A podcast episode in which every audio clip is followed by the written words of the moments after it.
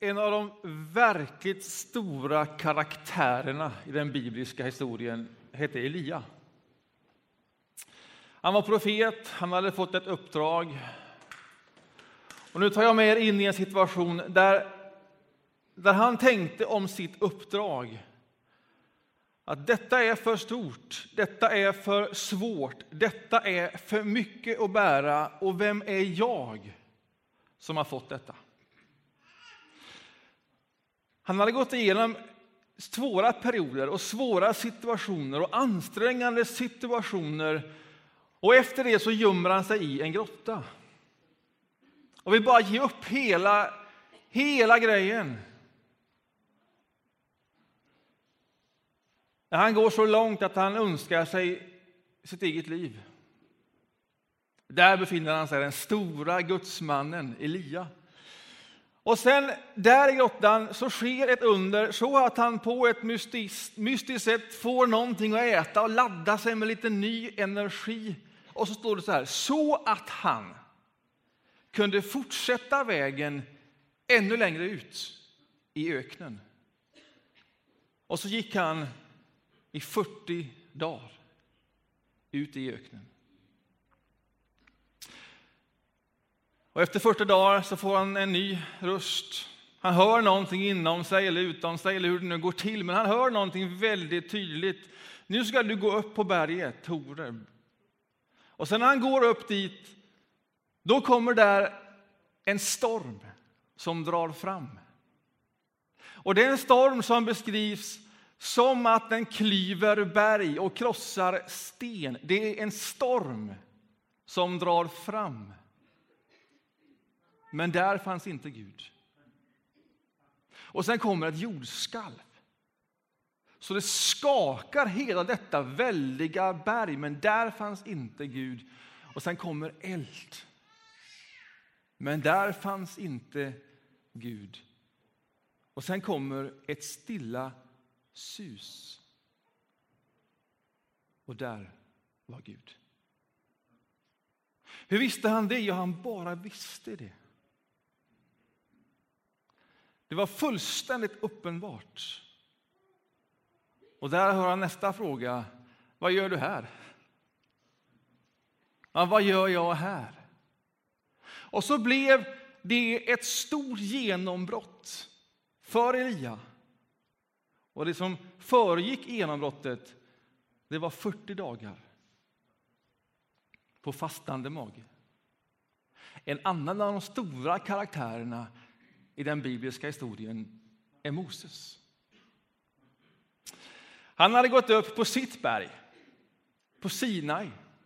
Där hade han tagit emot budorden från Gud, stort, och varit där länge. Och sen kommer han ner för att genom dem, som en gåva till folket, leda folket vidare. Och sen när han kommer ner så tycker folket att det har gått för lång tid och de undrar vad det är som händer här egentligen. De har samlat ihop det guldet de har och så har de skapat sig en guldkalv. Jag menar, vad ska man göra? Något fokus måste man ju ha. Något att tillbe måste ju finnas. Och när Moses kommer ner från berget och ser detta så blir han alldeles förtvivlad. Det är ju han som är ledaren och hans frånvaro har skapat detta kaos. Så han tar sina tavlor och slår dem i berget så att de går i bitar. Och hans känsla där nu det är bara, det här är för mycket. Alltså, vem är jag att reda upp i detta? De lyssnar ju inte på mig. Det är ju alldeles uppenbart. Borta ett par dagar och så detta. Vad gör jag nu då? är hans fråga. Jag knallar upp på berget igen. Och då bär han hela liksom folket med sig på sina axlar upp för detta berg. För att om möjligt försona folket, det de har gjort med Gud. Igen. Igen. Och sen när han är där uppe och börjar föra ett samtal med Gud då säger Gud, Vi snickrar ihop det här. Högg ut två tavlor till, så kommer buden på dem. Och så står det att Moses stannar där i dialog med Gud i 40 dagar på fastande mage. Och sen när han går ner från berget för att möta folket igen, ja, då finns ingen guldkalv. Då kommer först Aron och de nära till Moses, men de vill först inte gå nära Moses. Därför att när de närmade sig honom så såg de en sorts strålglans som gick ifrån hans ansikte, så de ville inte närma sig honom, Moses själv. Han såg inte det. Han hade ingen aning. Men de såg och fjärmade sig. Och till sist möttes de och till sist möttes också folket och så gav Moses det Gud hade sagt och buden och sen täckte han för ansiktet med en mask för så där gick det inte att gå omkring. Och sen när han gick tillbaka till Gud igen tog han bort masken. Ett nytt budskap till folket, på med masken igen. Det Elisabet läste i vår evangelietext idag, det är nästa berättelse av den största karaktären i den bibliska historien. Och det handlar om Jesus. Och Det är som om samma sak upprepar sig en gång till. Han leds av Gud, av Anden, drivs han upp på sitt berg. Och där är han i 40 dagar på fastande mage. Och sen när han lämnar det berget, då är hans budskap klart. Guds rike är nära. Nu är det här. 40 dagar är en återkommande period. Ja, till och med 40 dagar på fastande mage. En återkommande period. Och vad är det det säger? Jo, det säger att när vi nu landar in i vår text idag, denna söndagen, så är det satt i ett sammanhang. Det är Gud som genom sitt folk, utvalda karaktärer, verkar. Man känner igen det. Hur känner man igen det? 40 dagar på fastande mage. Och det tycks vara någonting varigenom Gud arbetar sig fram till ett genombrott. Det är historiens Gud. Det är samma berättelse som drivs framåt genom viktiga perioder. 40 dagar. Den texten som vi har läst, som beskriver detta, är ju oerhört korthuggen. Den är ju förvånansvärt koncentrerad. Två versar om hela detta dramat. Den skiljer sig från de andra beskrivningarna i andra evangelium. Den beskriver bara hur Jesus drivs av anden ut i öknen, är där i 40 dagar och sätts på prov av Satan. Det är allt. Ingenting om utkomsten, ingenting om hur det går, ingenting om några segrar, ingenting om det han vinner, inga framgångar, bara att han drivs av anden, att han är i öknen, att han är där i 40 dagar på fastande mage står det inte, men det vet vi genom andra texter. Det är allt. Så sätts han på prov. Då kan man ju fundera över, hade Markus bara bråttom när han skrev? Han vill bara dra förbi det här snabbt, koncentrerat. Eller är det väldigt medvetet så att just detta sätt att disponera en berättelse har ett budskap? Och så får man nog tro. Så nogsamt är nog dessa berättelser dokumenterade och redigerade.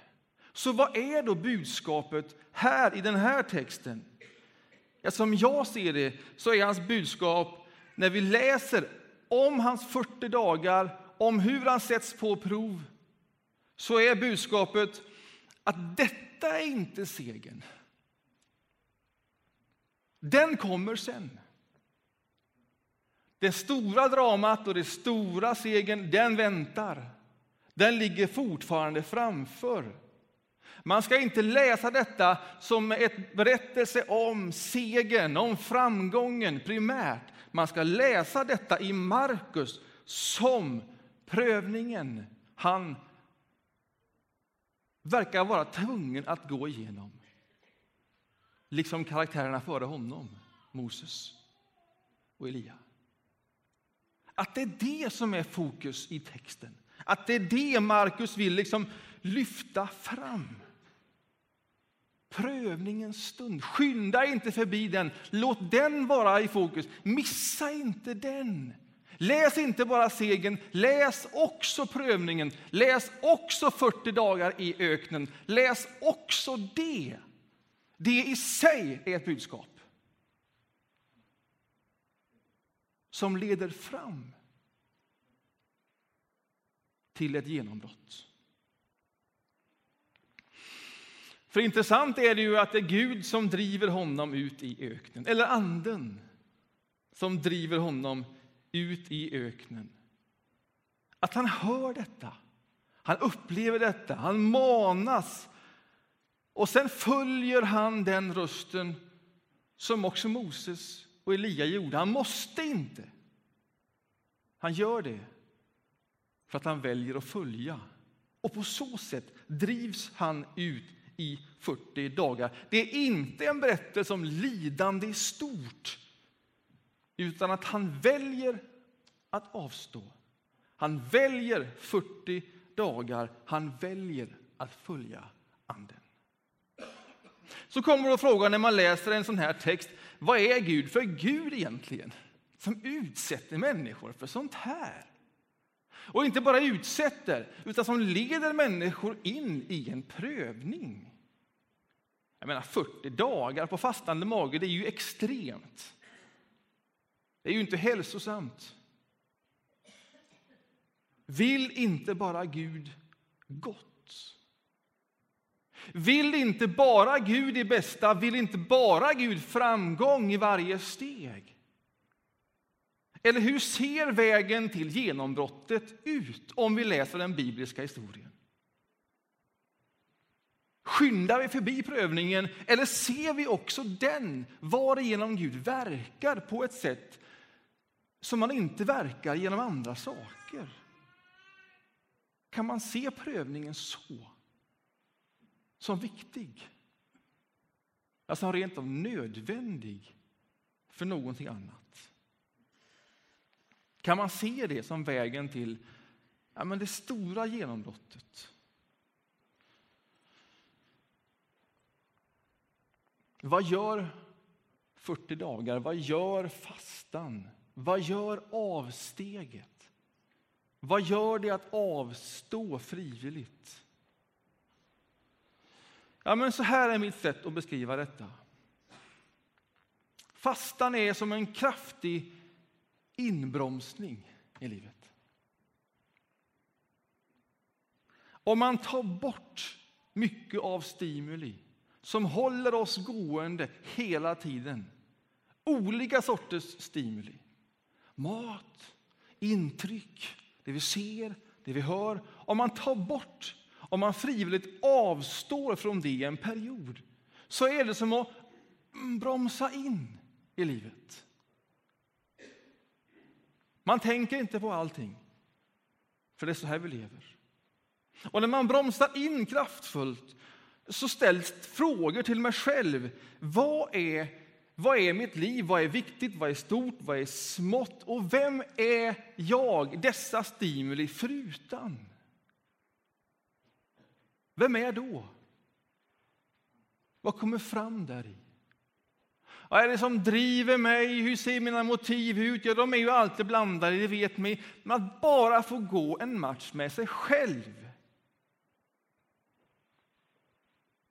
Det är lite grann som om du tänker dig ditt liv som en burk och där händer så otroligt mycket saker. Och det är grumligt och så bara sätter man ner den burken och så låter man stå den där stilla Och så börjar det liksom sjunka alla dessa röster och grejer. Och så blir vattnet till sist lite klarare.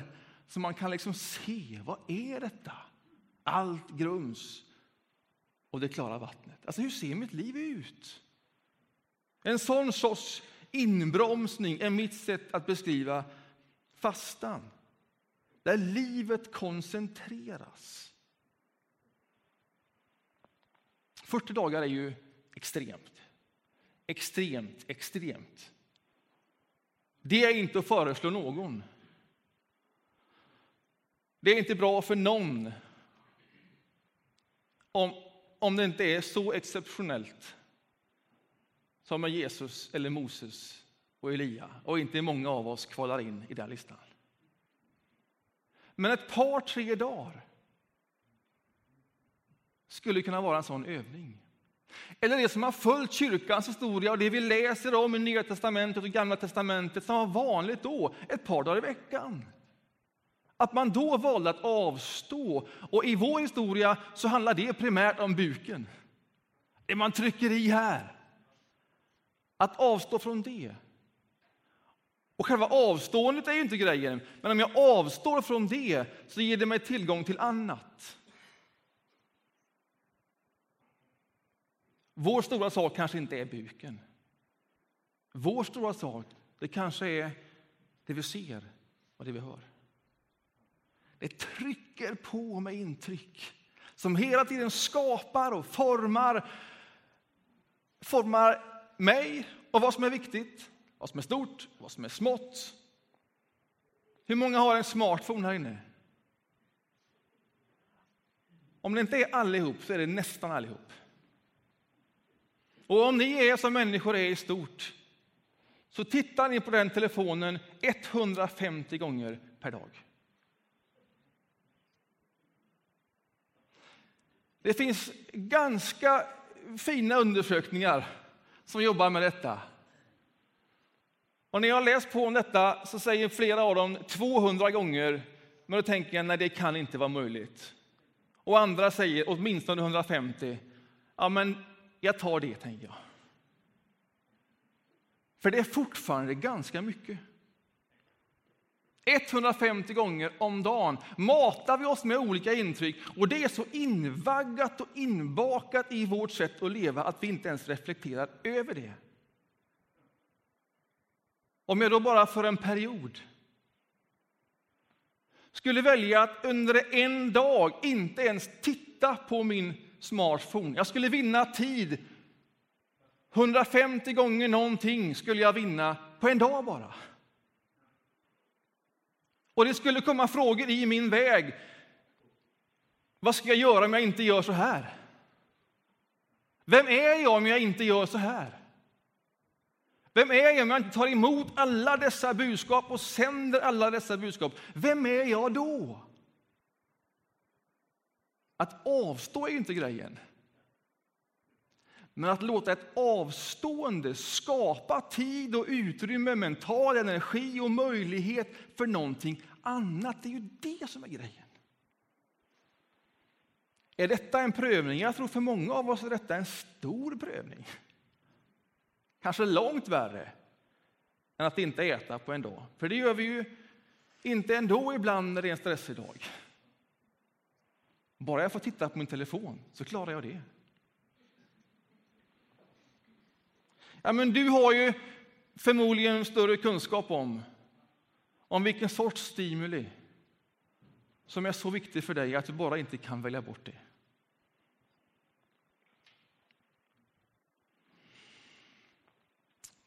Är det viktigt att välja bort då? Är det viktigt att avstå? Ja, om man läser Markus evangeliet så tycks det vara en nyckel. Att prövningen i sig, att avståendet i sig, att bejaka Andens röst som driver honom ut i öknen i sig är någonting viktigt. Inte bara segern, han vann frestelserna, utan att värdesätta avståendet. När jag har förberett det här så har jag tänkt på Nelson Mandela och här finns ju inte alla jämförelser Men visst är det ändå tänkvärt. Nelson Mandela, den stora statsmannen, 27 år frihetsberövad. 18 år på Robben Island. Ett stort offer. Han gav sig in i kampen med fredliga motiv, fredliga vapen. Och sen var det som om någonting hände. Alltså detta, detta räcker inte. Vad man än gör så kommer man inte fram. Och så tog han sig också in och blev del i den väpnade rörelsen. Och det var det som gjorde bland annat att han blev frihetsberövad. Och sen sitter han då frihetsberövad i 27 år. Och efter 27 år friges han. Vem är han då? Ja, man kan ju vara väldigt många olika människor efter 27 år. Och det som avgör det är ju inte att du är frihetsberövad, att du har tvingats avstå, utan vad du har gjort med den tiden.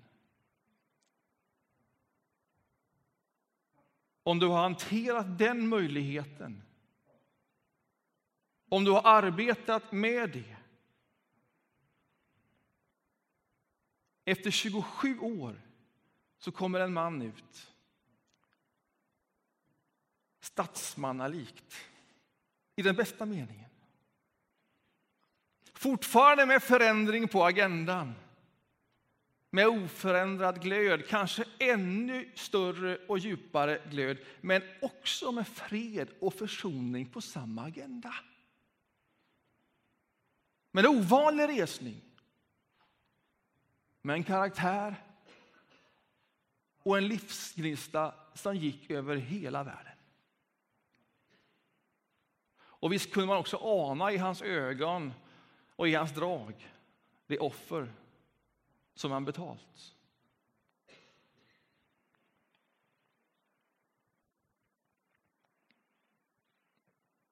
Att bara vara frihetsberövad är inte grejen. Att bara avstå är inte grejen. Men att bruka avståendet, det är grejen. Då kan prövningen vara det som föregår det stora genombrottet. För där har jag renats, där har mina motiv, motiv prövats. Där vet jag lite mer vem jag är och vad jag vill.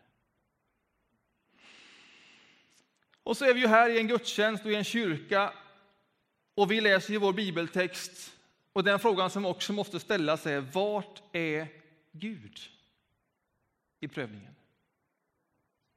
För det står också tydligt i den andra versen.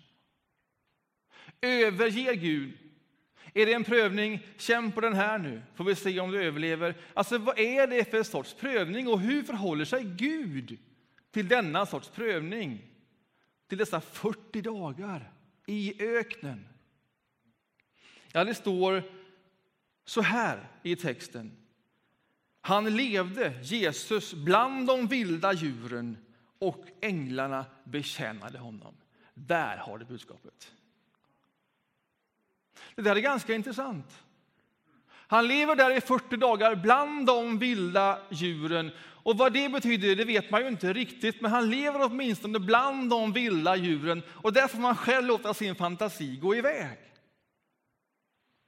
Men han lever där oskyddad för det som där pågår i öknen. Men änglarna betjänar honom. Märk nu, änglarna lyfter inte bort honom från de vilda djuren. Skyddar honom inte ifrån det, utan han lever bland de vilda djuren. Och där betjänar änglarna honom Gud är också där. I prövningen. Det är poängen. Och vad är det som föregår det här? Alltså, vad, är, vad, alltså, vad gör änglarna? Hur betjänar de honom? Hur går det till? Alltså, vad, vad, är, vad är det? Så här tänker jag. Det som föregår den här texten, direkt på den här texten, direkt innan han drivs ut i öknen, så har han döpts av Johannes i Jordan. Och när han har döpts där i och reses upp igen så kommer anden som en gåva över honom och så hör man hur en röst från himlen säger detta är min älskade son. Lyssna på honom nu. Och jag föreställer att när Jesus är där i öknen flera dagar in, 40 dagar in och han undrar vad gör jag här? Klarar jag detta? Alltså alla de frågor som kommer i en prövning. Han är ju där bland de vilda djuren. Och då föreställer jag mig hur änglarna påminner honom om det som änglarna påminner alla människor som tillhör Gud. Du är älskad. Du är det. Det finns ingenting som kan ändra på detta. Du är min älskade son. Du är det. Du är det. Jag är inte långt bort. Jag är här. Gud verkar genom dig, min älskade son. Vet det, vet det, vet det. Så föreställer jag mig att änglarna betjänar honom när han är bland de vilda djuren. Det är det viktigaste att veta i prövningen. Ingenting av det som händer där kan ändra på det faktum, förminska eller förstärka att du är Guds älskade barn. Men det kan framträda för dig själv. Detta handlar om Jesus, om Jesu väg. Vi kan ju inte gå den väg som han gick och samtidigt är hans väg alltid vår väg. Det stora dramat när han dör och uppstår, det kan vi inte göra. Men vi följer honom. I dopet dör vi och uppstår som ett tecken på det som också ska fullbordas. Vi går alltid den väg som Jesus går. Det är efterföljelsen. Och om han går igenom 40 dagar, om han går igenom en prövning, då gör också vi det.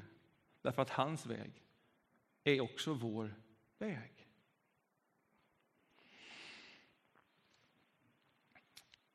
Nu är vi i kyrkoåret. Och I onsdags hade vi askonsdagen. Då inleder fastan. Som varar från då och till påsk. Och gissa hur många dagar den är? 40 dagar. Som av en tillfällighet. 40 dagar. Vad är kyrkoåret för idé? Jag har sagt det flera gånger. Kyrkoåret som idé, det är att man följer Jesus under ett år. Att man slår följe med honom genom alla de stora sakerna. Och detta är de 40 dagarna, detta är prövningen, detta är det som föregår det stora genombrottet, påsken, när han dör och uppstår. Och när man har skapat detta året med texter och annat så är det precis så man har tänkt. Vi följer Jesus, vi måste ha redskap för att verkligen göra det under ett år. Så vi inte bara tänker någonting, utan gör någonting. Så vi får redskap att ta oss in i hans väg. Också i hans 40 dagar i öknen. Och detta är den perioden i kyrkans år. Så varför inte ta oss in i det? Varför inte också bejaka de här 40 dagarna? Ta vara på den möjligheten som ett andligt redskap innan påsken, det stora genombrottet, kommer. Låt det vara 40 dagar. Nu sitter någon och funderar och räknar. Finga, det är ju inte 40 dagar till påsk, tänker någon nu. Nej, det är det inte. Man räknar inte söndagarna. Du kan aldrig fasta på en söndag. Söndag är alltid en uppståndelsedag. Men ta bort dem och du får 40 dagar. Välj att avstå någonting under de här 40 dagarna. skulle kunna vara ja, men en regelrätt fasta. Ta någon dag, ta två dagar och avstå från fast föda. Eller om din smartphone är ett ännu större offer, varför inte ta det? Inte kanske i 40 dagar. Alltså poängen är ju inte att ge sig själv en större övning än jag klarar av. Utan att forma den just så stor att det kostar lite på, men ändå är möjligt att ta sig igenom. Det är då det händer någonting.